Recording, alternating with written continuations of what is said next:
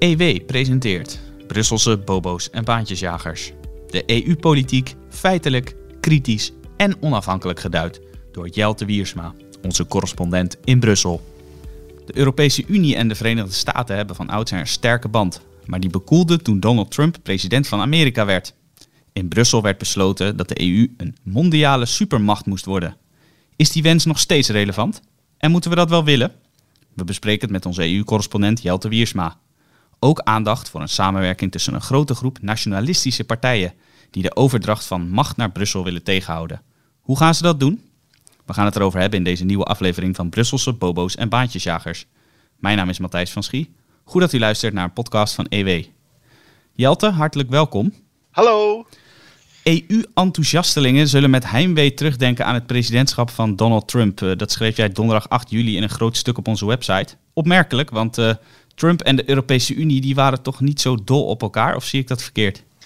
Nee, dat klopt. Eh, de meeste regeringsleiders van de EU-landen en ook natuurlijk de kopstukken van de Europese Commissie en het Europese Parlement en andere EU-instituties, die konden Donald Trumps bloed formeel wel drinken, zoals dat dan heet. Maar ehm, dat was natuurlijk maar een deel van het verhaal. Want ehm, ook al waren ze het oneens met Donald Trump over van alles en nog wat, bijvoorbeeld over de nucleaire deal met Iran of uh, Donald uh, Trumps uh, verhuizing van de Amerikaanse ambassade van Tel Aviv naar Jeruzalem, de hoofdstad van Israël, en het uittreden van Donald Trump uit het klimaatakkoord van Parijs. En nog zo'n hele waslijst aan zaken waar Trump andere opvattingen erop nahield dan de meeste uh, regeringsleiders in de EU.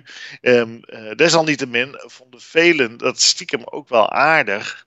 Want um, door Trump uh, was onder de uh, bevolkingen in veel EU-landen Amerika niet zo populair meer.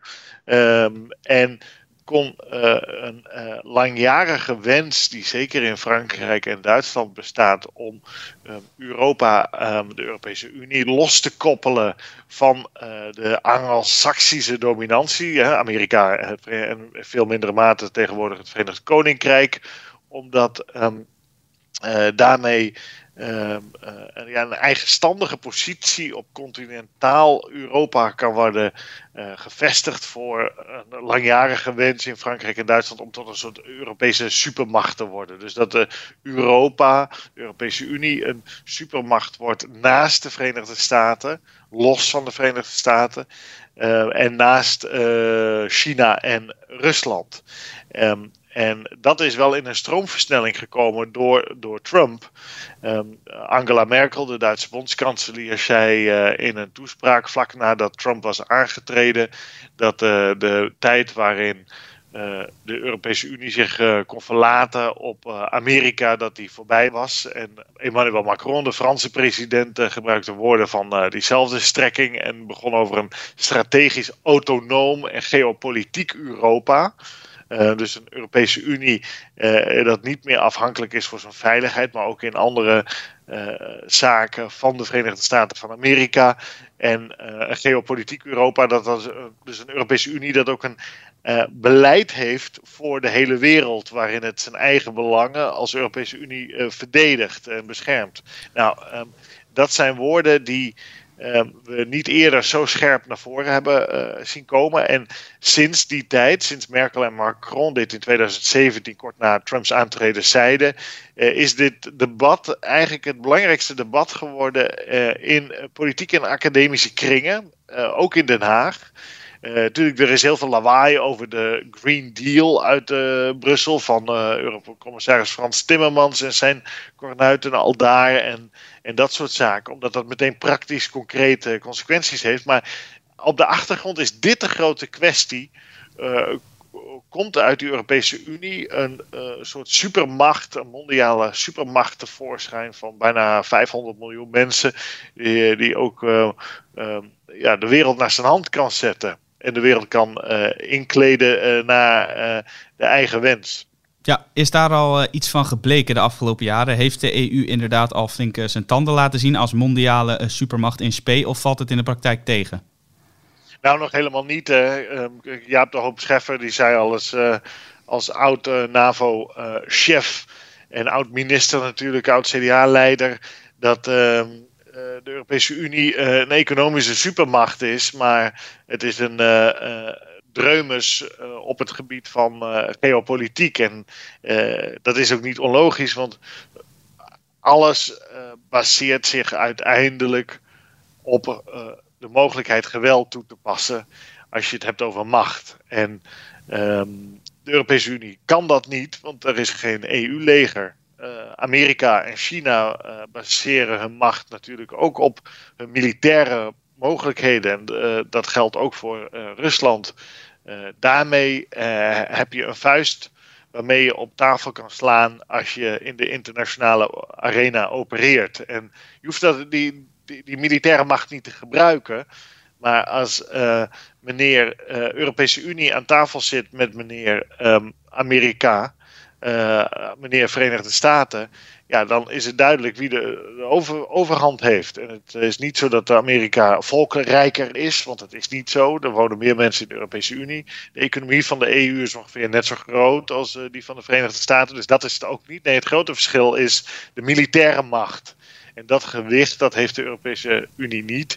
En daarmee is het inderdaad een dreummes uh, op dat gebied vooralsnog. Ja, Macron die heeft natuurlijk uh, meermaals gepleit voor een uh, Europees leger. Merkel was daar toch wat aarzelender over natuurlijk vanwege de Duitse geschiedenis.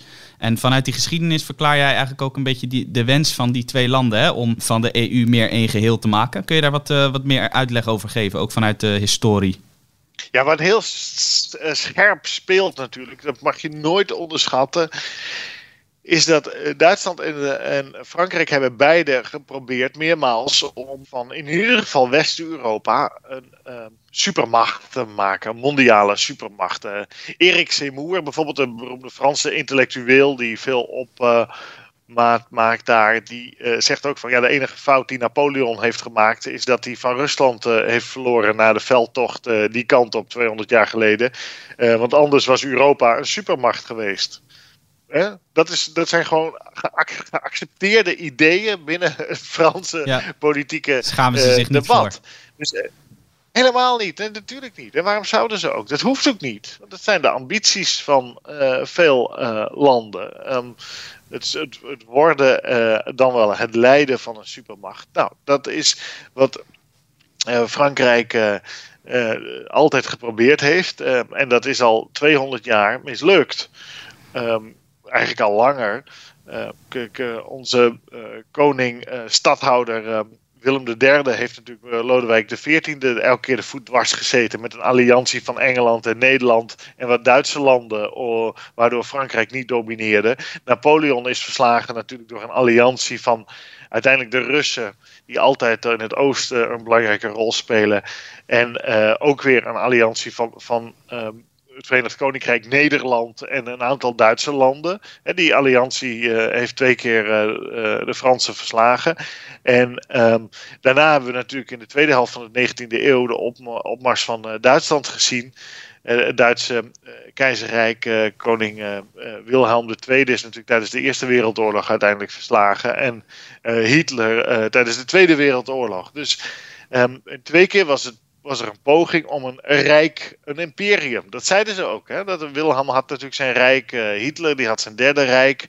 We hadden natuurlijk uh, daarvoor het Duitse heilige, heilige Roomse Rijk. Uh, waar ook deel de Benelux en delen van Frankrijk in zaten. dus die ambitie om Duitsland en Frankrijk als kern van een uh, Europees rijk, dat een supermacht moet zijn, mondiale supermacht. Uh, dat, die ambitie is, is veel ouder dan vandaag en gisteren. En de Europese Unie is een poging van Frankrijk en Duitsland om samen tot zo'n supermacht te komen. Mag je nooit vergeten, die balen enorm dat de Engelstaligen in de 19e eeuw en begin 20e eeuw waren dat vooral de Britten en na de Tweede Wereldoorlog vooral de Verenigde Staten van Amerika dominant zijn geworden. Um, en dat we, zeker West-Europa uh, eigenlijk een, een veiligheidssatelliet is van de Verenigde Staten van Amerika. En dat is een um, politiek heel incorrecte uh, kwestie om te bespreken binnen Duitsland. In uh, Nederland wordt er ook helemaal niet zo naar gekeken. Nederland denkt helemaal niet in macht of geopolitiek zozeer. Nederland is een handelsland. Nederland denkt in geld veel meer. En ook in moraliteit, morele waarden zijn heel belangrijk in ons domineesland. Maar dit is het grote mensenspel. Um, en Donald Trump gaf eigenlijk Duitsland en Frankrijk de kans, de wind in de zeilen en de mensen die dit graag willen, om deze ontwikkeling uh, vaart te geven. En uh, dat hebben we de laatste tijd gezien. Ja, dat hebben we de laatste tijd inderdaad gezien. Maar uh, sinds uh, november, of eigenlijk sinds begin uh, 2021 moeten we zeggen, is Joe Biden de man die aan de knoppen zit in het Witte Huis. En als we dat afzetten tegen Trump, hoe verhoudt hij zich nou tot die Europese Unie? Ja, ik schrijf natuurlijk een beetje plagerig dat Joe Biden um, de Europese Unie en de Europese Unie integratie ondermijnt. want uh, Uncle, Uncle Sam, zoals Amerika wordt genoemd, maar ik noem hem maar even Uncle Joe, want hij ziet er altijd wel, ja, wel vriendelijk uit. Dat is ook zijn bijnaam, ja. Uh, Uncle Joe, hij ziet er altijd zo vriendelijk uit dat je denkt dat we ook wel een biertje mee drinken met die man.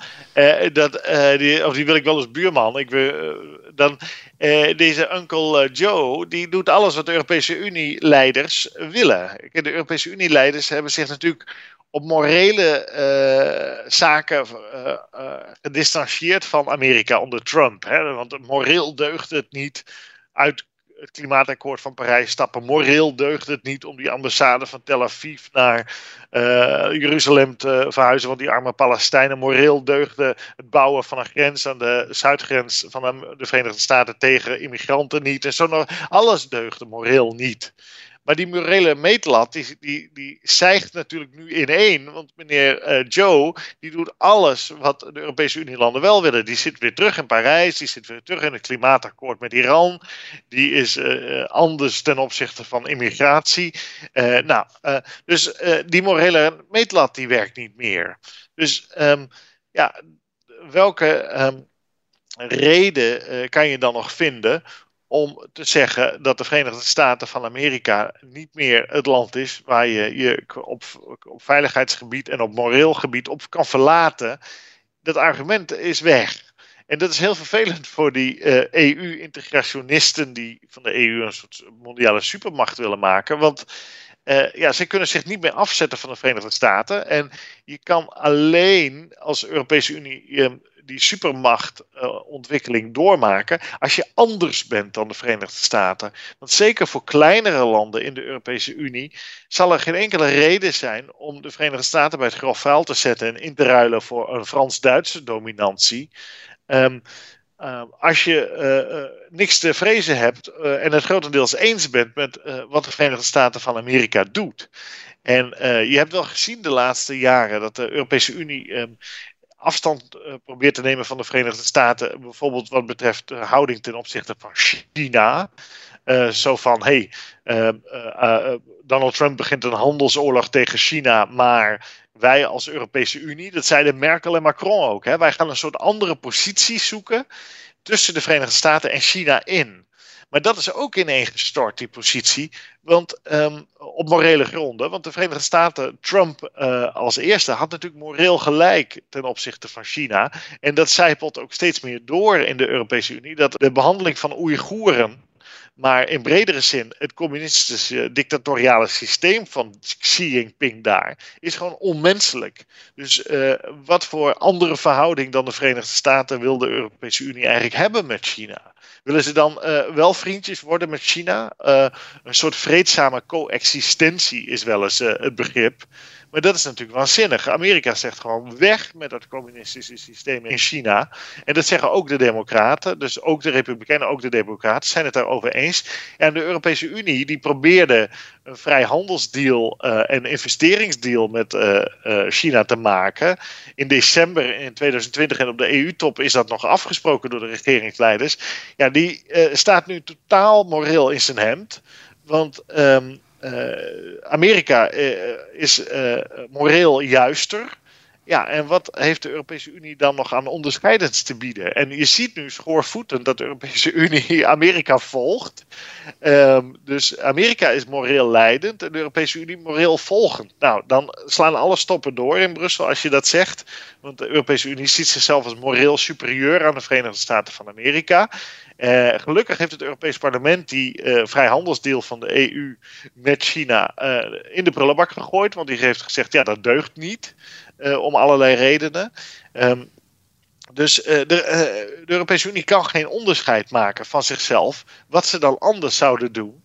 Um, en de kleinere landen in de Europese Unie, zeker ook Nederland, zal altijd de militaire macht van Amerika verkiezen boven een dominantie van, de Verenigde, of van uh, Duitsland en uh, uh, Frankrijk op het Europese continent. Want um, ja, als Nederland Amerika zou loslaten, ja, dan bestaat Nederland eigenlijk niet meer. We hebben de laatste 200 jaar gezien dat Nederland elke keer gered is door de Engelstalige van Duits-Franse overheersing. Die, die Duits-Franse plannen zijn elke keer mislukt omdat de Engelse taligen ingrepen. En die hebben gewoon uh, het bestaan van Nederland gegarandeerd. Nou, uh, kleinere landen zoals Nederland zullen geen enkel belang erbij hebben om Amerika bij het grof te zetten. Zeker niet als Amerika ook nog eens op morele gronden superieur is aan die Europese Unie. Althans aan Duitsland en Frankrijk, want dat is natuurlijk eigenlijk de Europese Unie. Dus dat is een heerlijk. Uh, dus je ziet ook een ondermijning. de laatste EU-top hebben de ehm, landen in de EU ook. de kleine landjes ook tegen een Frans-Duits voorstel gezegd om een top met Rusland te gaan houden. Van dat gaan we niet doen, Angela Merkel en Emmanuel Macron. Gaan we niet doen en we hebben geen zin in. Ja, maar, uh, maar een paar weken geleden uh, zat uh, notabene Joe Biden wel om tafel met uh, Poetin. Dat is natuurlijk voor Merkel en Macron nog pijnlijker. Zeker. dus, maar dat is voor Nederland natuurlijk wel aardig. Laat Amerika maar met de Russen hun deals maken. Uh, uh, dat is veel aantrekkelijker voor een klein land als Nederland dan als Duitsland en Frankrijk samen namens de EU met Amerika gaan spreken. Want dan weet je zeker dat ze vooral de Duits-Franse belangen gaan behartigen. Um, en niet de belangen van andere landen. En Nederland heeft natuurlijk met MH17 ook nog wel een appeltje te schillen met meneer Poetin. Uh, en uh, Polen bijvoorbeeld is doodsbang voor Rusland, uh, voor meneer Poetin. En wil absoluut niet dat er een top met Poetin wordt georganiseerd door de EU. Want dan weten ze zeker dat ze worden uitverkocht. De Polen zijn natuurlijk doodsbang, niet alleen voor Poetin, maar ook voor Duits-Franse macht in hun, in hun rug, om het zo te zeggen. Want historisch zijn zij altijd gemangeld door Duitsland, Frankrijk en Rusland. En heel vaak opgedeeld geweest. Ik was in Polen toen de Krim werd geannexeerd. Uh, in 2014 door Rusland. En uh, daar vertelden allemaal Poolse mannen mij dat ze meteen een brief hadden thuisgekregen. Houd u klaar hm. om onder de wapenen te gaan. Uh, want ehm, de Russen hebben de Krim ingepikt. straks vallen ze hier ook binnen. En de Polen doen er alles aan om zoveel mogelijk Amerikaanse soldaten op hun grondgebied te krijgen. Want ze zijn niet uh, uit de angst tegen Rusland, maar ook omdat ze graag willen dat die soldaten als een soort hoeder uh, fungeren tegen Duitsland. Dat mag nooit vergeten worden. Hè? De, die historische lijnen lopen heel lang door. die worden vaak genegeerd in de waan van de dag. Gelukkig doe jij dat niet. Gelukkig hebben we jou om de historische duiding wel te geven. Maar dat moet, die moet je er altijd bij pakken. Want die reflexen in Polen, het hele onderwijs daar ook is doordrenkt van het gevaar komt van Rusland en Duitsland. In Rusland is het onderwijs doordrenkt van het gevaar komt uit het westen. Frankrijk en Duitsland hebben natuurlijk uh, Rusland, uh, zijn Rusland binnengevallen. En tot twee keer toe heeft het bijna tot de ondergang van Rusland geleid. Nou, die, die angst in Rusland dat, dat ze ten onder gaan door invallen vanuit West-Europa, zijn, zijn gewoon actuele uh, angsten en begrijpelijke angsten. Ja, ook. jij schrijft in je stuk ook een geopolitieke en een strategisch autonome EU zou onvermijdelijk tot een uh, conflict met Rusland leiden. Zeker, zeker. De Russen die uh, hebben natuurlijk al uh, heel veel ergernis over de EU en de NAVO, die alsmaar westwaarts min of meer tegen de uh, heren afspraken die gemaakt zijn na de val van de Sovjet-Unie zijn gemaakt. Hè. Die uitbreiding westwaarts heeft betekend dat ja, de NAVO en de EU grenzen aan Rusland. Nou, Rusland is daar hyper nerveus over. En je ziet dus dat het land dat niet bij de EU en NAVO zit, Oekraïne, daar vallen ze dus binnen dat is ook een soort vanuit een, een, verdedigingsperspectief moet je dat kijken. De Russen zien dat niet per se als een aanval, maar ook als een verdediging. Die zien dat dus als een verdediging voor zichzelf. Je kan daar, je hoeft het niet goed te praten hoor. En dat doe ik zeker niet. Laten we, laat dat buiten kijf staan. Maar ik probeer het te analyseren. Waarom doen ze dat? En voor hen is dat vanuit de verdediging. Want uh, voor hen komt het gevaar, het grote gevaar, over het algemeen historisch uit het Westen. De Polen, op hun beurt, daar komt het gevaar van alle kanten. Hè? en, uh, geen wonder, maar die willen dus geen geopolitiek Europa. Want dat zou betekenen dat een, eigenlijk een Frans-Duits imperium in hun rug, waarvan zij een satelliet zijn, deals zou kunnen maken met Rusland. Uh, nee, Polen wil per se de Amerikanen zoveel mogelijk aan zich binden als veiligheidsgarantie tegen Rusland en Duitsland. Dus uh, nou, je, je ziet dat dit soort reflexen, historische reflexen, worden in Parijs heel goed begrepen. Uh, Macron, die wil ook eigenlijk met een veel kleiner clubje dan alle EU-27-landen tot zo'n geopolitiek strategisch Europa komen. Hij heeft bijvoorbeeld een initiatief op militair gebied waar negen landen aan meedoen. En dan heb je dus over de Benelux, Duitsland, Frankrijk, dus Noordwest-Europa doet daaraan mee. De eurozone is voor hem een ander uh, powerhouse, Europese powerhouse. En daar zitten uh, bijna alle Oost-Europeanen niet bij, hè? afgezien van de Balten en Slowakije.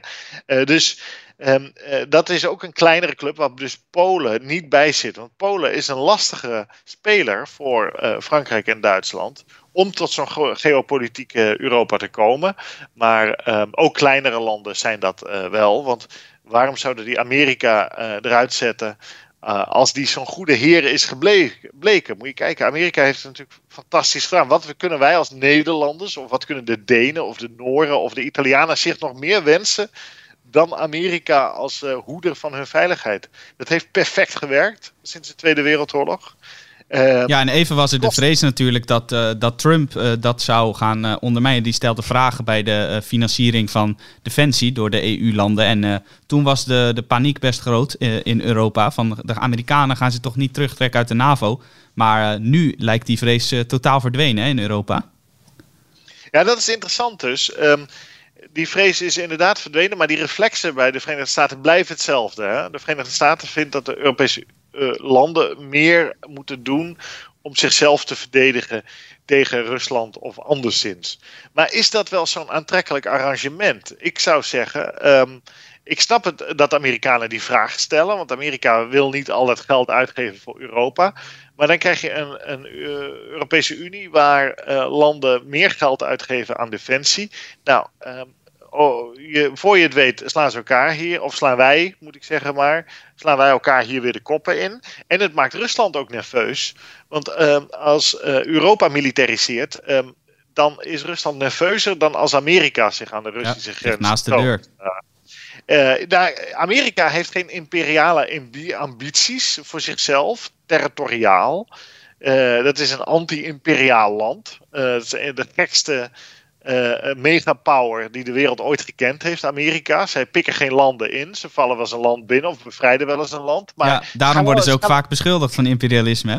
Maar dat is helemaal niet zo, want ze gaan altijd weer weg. Ja. Ze, uh, terwijl dat, dat doet niemand. Hè? Uh, dat, de Romeinen deden dat niet, Napoleon deed dat niet vrijwillig. Niemand gaat vrijwillig weer weg. Dat, uh, dat doen imperia niet. En het Spaanse imperium deed dat niet. De Amerikanen doen dat wel.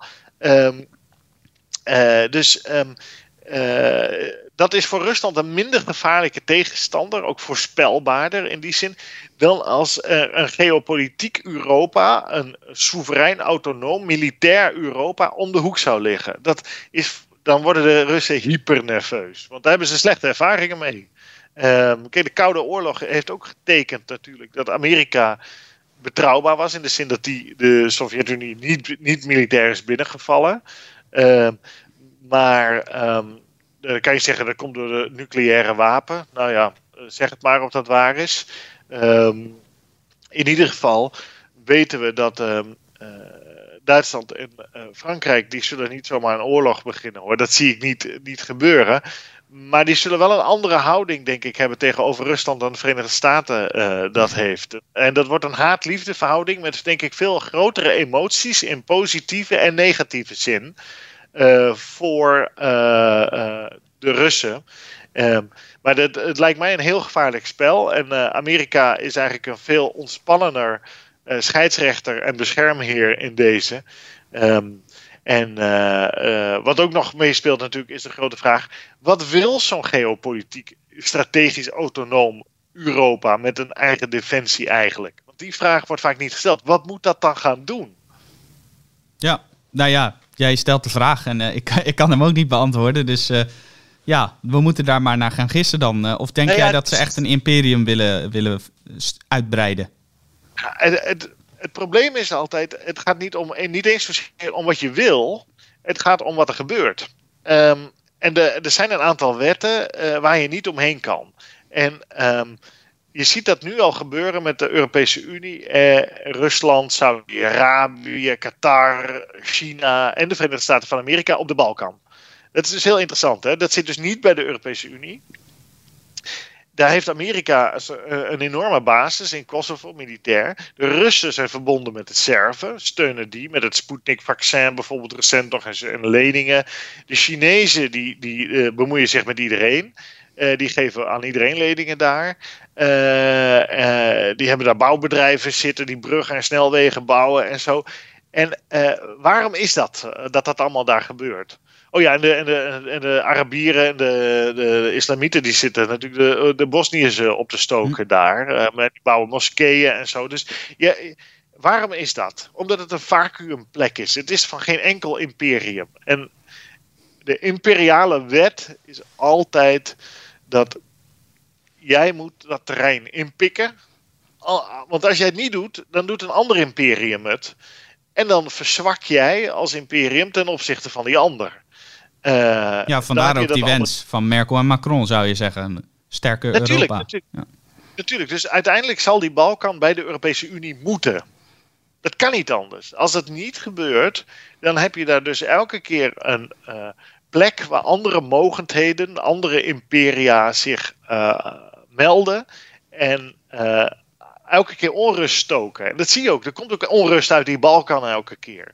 Nou, dat is een, uh, een, wet, daar kan je niet aan voorbij. Dat is heel vervelend. Dat is niet omdat je de macht wil hebben of zo. Per se. Dat, is gewoon, dat is een dynamiek waar je niet aan voorbij kan. De Amerikanen balen enorm van die wet. Want die, die willen altijd het liefst allemaal naar huis zitten en uh, barbecuen en een Budweiser gaan drinken uh, op hun veranda. Die willen ook helemaal niet, maar die zijn er ook helemaal in gezogen. Ook al bezetten zij geen landen. En blijven ze daar niet. Maar dat is een heel een on op een wet waar je niet omheen kan. En die machtswetten, uh, daar heeft Europa nu ietsje minder last van. Als je zo'n geopolitiek strategisch autonoom Europa hebt, nou, dan krijg je dat de Europese Unie bijvoorbeeld immigranten krijgt vanuit uh, het Midden-Oosten, omdat daar weer onrust is. Om, omdat IS of Iran daar onrust stookt of wat dan ook. Of de Russen zijn daar bezig, of de Chinezen. Wat moet je dan als eh, geopolitiek autonoom Europa? Dan komen al die mensen op je grens af. Nou, dan heb je um, uh, een, een, keuze natuurlijk waar Amerika ook voor stond, is uh, dat je daar probeert de vrede te stichten. Nou, dan moet je massaal troepen die kant op sturen. Nou, dan krijg je dus dezelfde situatie waar Amerika ook in zat, in Vietnam of in de laatste jaren daar in het Midden-Oosten. Doe je het niet, ja, dan breidt de macht van of Rusland zich uit, of China, of de Islamitische Staat. En dan krijg je daar een vijandige plek. Waar, alle, waar wapens worden verhandeld, waar geweld uit voort kan komen, waar trainingskampen voor terroristen komen, enzovoort, enzovoort. Dus je, je, je komt voor een onmo onmogelijke keuze. staan imperia moeten meestal negatieve keuzes maken. Hm. Je moet of het slechte doen, ingrijpen. Dat is, dat is of het andere slechte, het uh, op zijn loop, beloop laten. Maar dan wordt het ook een zootje. En uh, dan wordt de concurrerende macht sterker. Dus je wordt gedwongen keuzes te maken die je eigenlijk niet wil. En die keuzes die voorliggen zijn beide negatief in zo'n Ja, het beste nou, van twee kwaden. Het beste van twee kwaden, dat is het. En dat is vreselijk moeilijk. En Europa heeft die keuzes lange tijd niet hoeven maken, de Europese landen. Amerika wel. Amerika die wordt altijd moreel aan de meetlat gehangen eh, in Europa. Van moet je kijken, die lui deugen niet. Maar die lui deugen wel. Ze kunnen niet anders. Zij eh, worden geconfronteerd met de wetten van de macht, de logica van imperia, van concurrerende politieke systemen, democratie, vrijheid tegenover terreur, uh, religieus fanatisme vanuit de islamitische hoek, communisme enzovoort je ontkomt er niet aan, want als je het niet doet, dan komen ze uiteindelijk bij jou en dan vreten ze jou op. dan, dan wordt jouw imperium steeds een stukje zwakker als je het vacuüm niet opvult. en dan raak je aan de verliezende hand en dan ga je ten onder. dat is de realiteit. Dat is ook waarom Amerika altijd West-Europa heeft beschermd. niet omdat ze dat zo graag wilden, maar omdat het ehm, een eerste beschermingswal was eh, tegen het Sovjetrijk uh, tijdens de Koude Oorlog. Daarom doe je dat. Dus je doet het uit je eigen belang. En je probeert uh, dat zo ver mogelijk van je eigen grenzen af te doen. Nou, heel ingewikkeld. misschien ook om te volgen. En daarvoor de excuses aan de luisteraars. Maar heel belangrijk. En um, voor Nederland alles aan gelegen om Amerika zo dicht mogelijk bij ons te houden. Of er nou Trump of Biden in het Witte Huis zit, dat moet helemaal niet uitmaken. De Amerikanen zijn de beste hoeders en vrijwaren ons als Nederlanders eh, eigenlijk van het maken van hele moeilijke morele keuzes. Eh, laten we dat uh, koesteren, dat, dat Amerika dat doet. En laten we ze loven dat ze dat doen dankbaar zijn. En uh, vrees vooral een Duits-Frans geopolitiek autonoom Europa. Want dat betekent dat Nederland uiteindelijk ten onder gaat. Uh, en dat zal de vrede. Uh, dat één. En zal, zal, de vrede in Europa niet goed doen, denk ik. want je krijgt een gemilitariseerd Duitsland dan. Je krijgt spanningen met Rusland. En zo'n geopolitiek Europa weet ook niet wat het moet doen. Uh, heeft, heeft geen duidelijk uh, beleid, geen duidelijke agenda, maar zal door de wetten van de imperiale logica altijd in conflicten in buurlanden, in buurstreken worden gezogen, waar we volgens mij helemaal niks wijzer van worden. Nou, helder verhaal. En een samenwerking Frankrijk-Duitsland en een hechtere EU, dat is dus niet uh, wat we moeten willen. En wie dat uh, ook uh, vinden, zijn 16 nationalistische partijen uit 14 verschillende EU-landen. dat zijn partijen die de handen ineens slaan tegen een federale Europese Unie, zoals zij dat noemen. Een tijdje geleden schreef jij hier al over in jouw rubriek in Brussel. Maar die samenwerking die begint nu serieuzere, concretere vormen aan te nemen. wat voor partijen zijn dat en wat willen zij concreet? Ja, klopt. Um, ik heb een uh, maand of twee geleden al geschreven inderdaad dat er 16 partijen uh, die zichzelf patriotisch noemen. Uh, anderen zouden zeggen nationalistisch, anderen zeggen EU-sceptisch of anti-EU of zeg het maar. Populistisch wordt ook vaak gezegd. Ja, precies. Populistisch is ook zo'n term.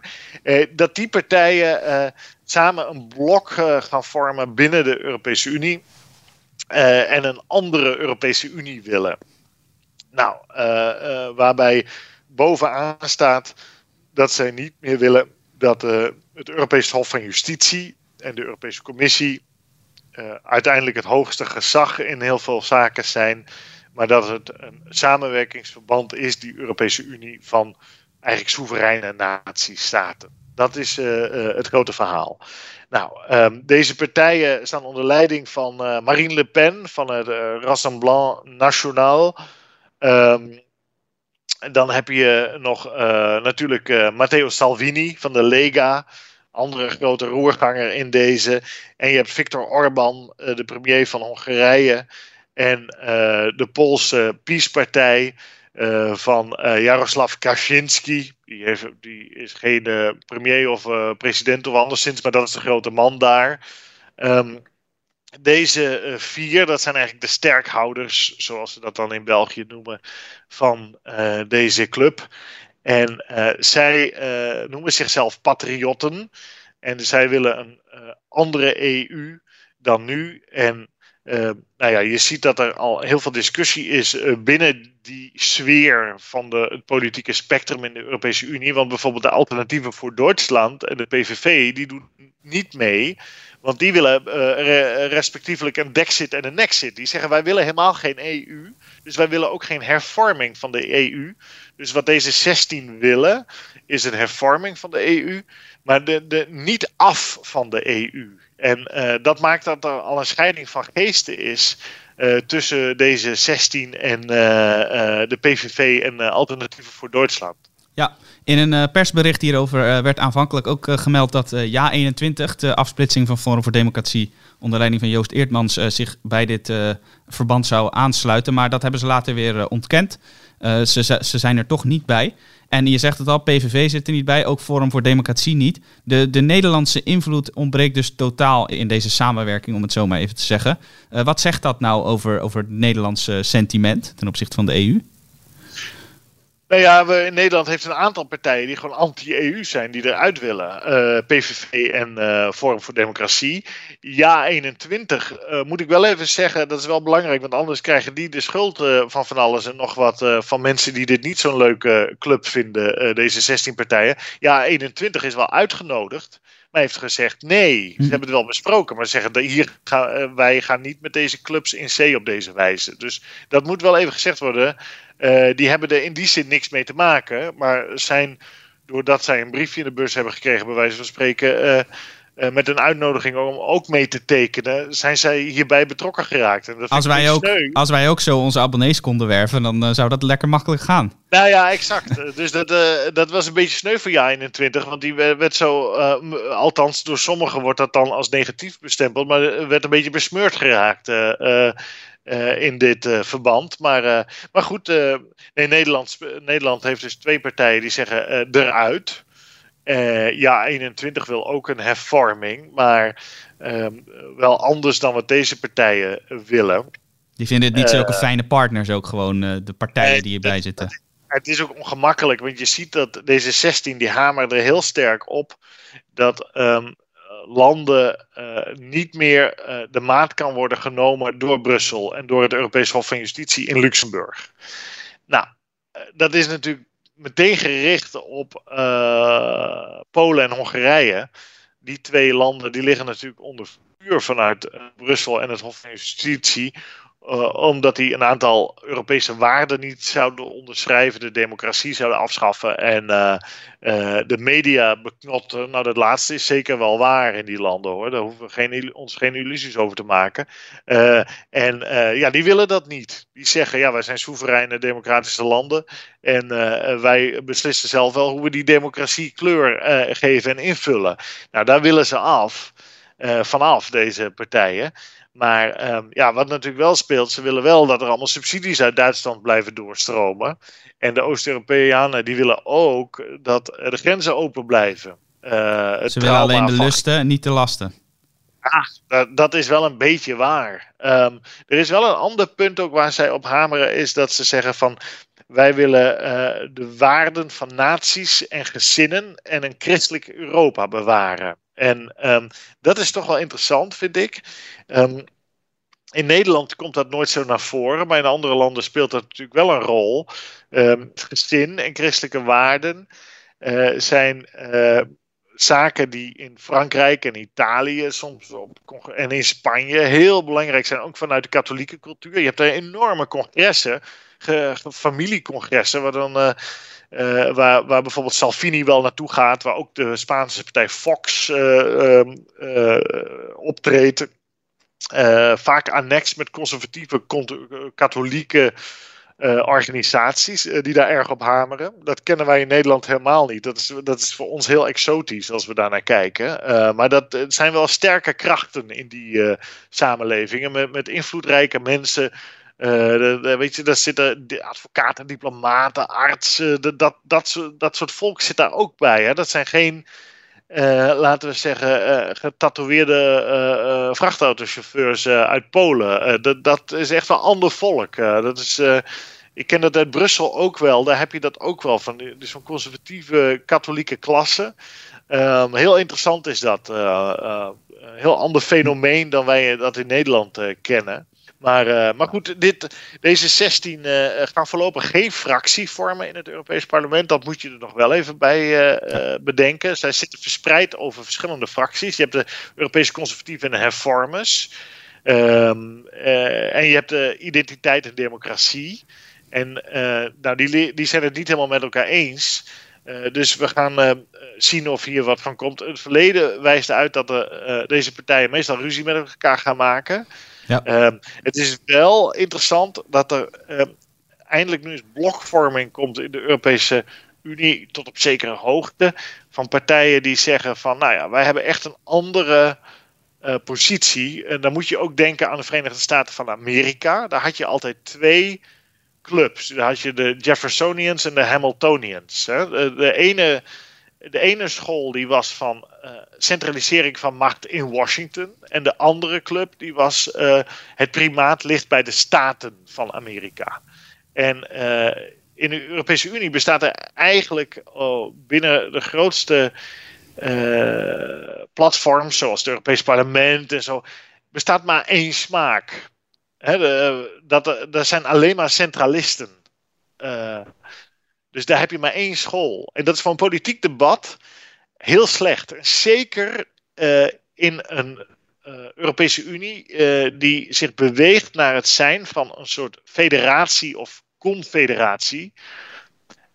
Daar moet je altijd twee partijen hebben ideologisch die een balans, elkaar in balans houden tussen centralisering en uh, tussen uh, regionalisme of, of, nationalisme op macht op natiestaatniveau. En dat ontbreekt helemaal in, in de Europese Unie. Amerika heeft dat natuurlijk ook. De Republikeinen focussen meer op de staten. De Democraten kijken vaak wat meer naar centralisering en Washington. Hè. het is heel goed dat dat debat tussen die twee gevoerd gaat worden. Het is wel jammer dat dat debat door deze 16 partijen wordt omarmd. Want dan heb je partijen uh, waarvan een groot deel van het electoraat, en dan heb je toch al gauw 80, misschien wel 90, 90 procent in veel landen, nooit op zal stemmen. Dus uh, daarmee raakt die anti-centraliseringsagenda um, raakt enigszins beschadigd, zou je kunnen zeggen omdat, uh, nou ja, laten we tussen haakjes zeggen, de foute types die agenda uh, omarmen. En dat, is wel, dat vind ik wel jammer. Je zou eigenlijk willen dat er een democratische partij is en een republikeinse partij. Waarbij de ene partij uh, meer centralisering wil en de andere meer decentralisering wil. Um, maar dat er twee partijen zijn die kieswaardig zijn. En ja. um, voor, voor iedereen. En dat is natuurlijk um, voor uh, een heel aantal partijen in dit verband niet het geval. Uh, dus um, daarmee geven, is het eigenlijk een cadeautje, zou je kunnen zeggen, aan degenen die alleen maar willen doorgaan met centralisering van macht in Brussel. En via Brussel in de belangrijkste twee hoofdsteden, Berlijn en Parijs. En uh, ja, dat is, dat is wel jammer. En je zou hopen dat zo'n partij als Ja21, maar ook andere partijen die zichzelf conservatief noemen, uh, die decentralisering hoog houden. Je ziet het wel een beetje bij het CDA, een beetje bij de VVD. Eh, in andere landen zie je het ook wel een beetje, maar, maar toch gaan ze altijd voor centralisering als het puntje bij paaltje komt. En dat, is, dat is wel jammer, vind ik. Ja, nou ja, wie weet dat deze partijen op een later moment nog hun eigen samenwerking zullen beginnen. Maar deze, deze club van 16 is er dus. We gaan in de gaten houden wat deze intentieverklaring daadwerkelijk gaat betekenen. De Tweede Kamer gaat bijna met reces. Is er in Brussel deze zomer nog wel iets waar we op moeten letten? Of gaan ze daar ook spoedig van de zomer genieten? Brussel is één groot reces. champagne en, en, en caviar in de salons, Matthijs. Nee, zonder gekheid. Nou, dat is heel interessant. Eh, vroeger was dat inderdaad zo dat twee maanden lang Brussel was uitgestorven. Want eh, iedereen ging terug naar het land waar ze vandaan komen, waar mensen vaak nog een huis hebben, of, of met vakantie naar de zon, familiebezoek en zo. Maar wat we nu wel hebben gezien, is dat um, de afgelopen jaren een heel aantal crisis uh, ervoor gezorgd hebben dat die zomer soms heel erg druk bezet was met Europese toppen. Uh, dus niet zozeer de machine van de, het Europese parlement of de Europese, Raad, uh, Europese Commissie, excuus, maar wel van de Europese Raad. Uh, we hebben natuurlijk de Griekse crisis gehad, we hebben de, de, de, de, de bankencrisis, eurocrisis in grotere zin gehad. De coronacrisis, de migratiecrisis is, natuurlijk migratiecrisis daarvoor, maar nu, de, nu actueel is de coronacrisis. Met, met hoe, hoe speelt dat weer op? Hoe vlakt dat weer op? Nou, eh, er zijn altijd onvermoede kwesties die naar voren kunnen komen. Dus de, um, ik durf mijn hand er niet voor in het vuur te steken. En in Den Haag zien we dit ook. Hè? Dat de zomer is veel actiever geworden dan vroeger. Uh, doordat ook politici zoals Wilders vaak. Uh, debatten agenderen, spoedcrisisdebatten in Den Haag agenderen. Ehm, als er iets gebeurt en dan moeten al die Tweede Kamerleden weer terugkomen van een vakantieadres. Uh, en dan blijken al die GroenLinksers heel milieuvriendelijk naar Bali te zijn gevlogen en zo. En die moeten dan weer. hilarisch. Ja. Uh, moeten op stel en sprong dan weer terug naar Den Haag. En dan moeten ze weer terug naar Bali. En dan, nou ja, goed. Ik plaag even hier, hè. Maar goed, dat mag ook wel eens even. Maar de, dat zie je dus in, uh, in Brussel ook gebeuren. Dat die zomer veel onrustiger is geworden. Ehm, maar gaan, vooralsnog zie ik niet dat er grote zaken aan de orde zijn. Maar het, een crisis is niet voor niks een crisis, omdat het vaak iedereen overvalt. Dus ehm, nou ja, we gaan zien. wat er komt. Maar het kan best een hete zomer nog worden, maar het kan ook best zijn dat er helemaal niks gebeurt. Nou, dat, uh, dat gaan we zien of er een uh, crisis komt of dat het uh, rustig voortkabbelt. Hoe dan ook, jij hebt altijd genoeg te vertellen. Dus in de komende uitzendingen van deze podcast hoeft u zich absoluut niet te vervelen. Aan tekst geen gebrek, hè? Zo is het. Tekst, geen gebrek. Aan tekst en aan spraak geen gebrek bij jou. Nooit gebrek. Dus dank Jelte. We zijn aan het einde gekomen van deze podcast voor vandaag. alle luisteraars uiteraard het beste gewenst en graag tot de volgende keer. Hartelijk dank voor het luisteren naar de podcast van EW. Wilt u niets missen? Abonneer u dan in uw favoriete podcast-app, bijvoorbeeld Spotify of iTunes, door te zoeken op EW. U kunt ook luisteren op onze site via ewmagazine.nl/podcast.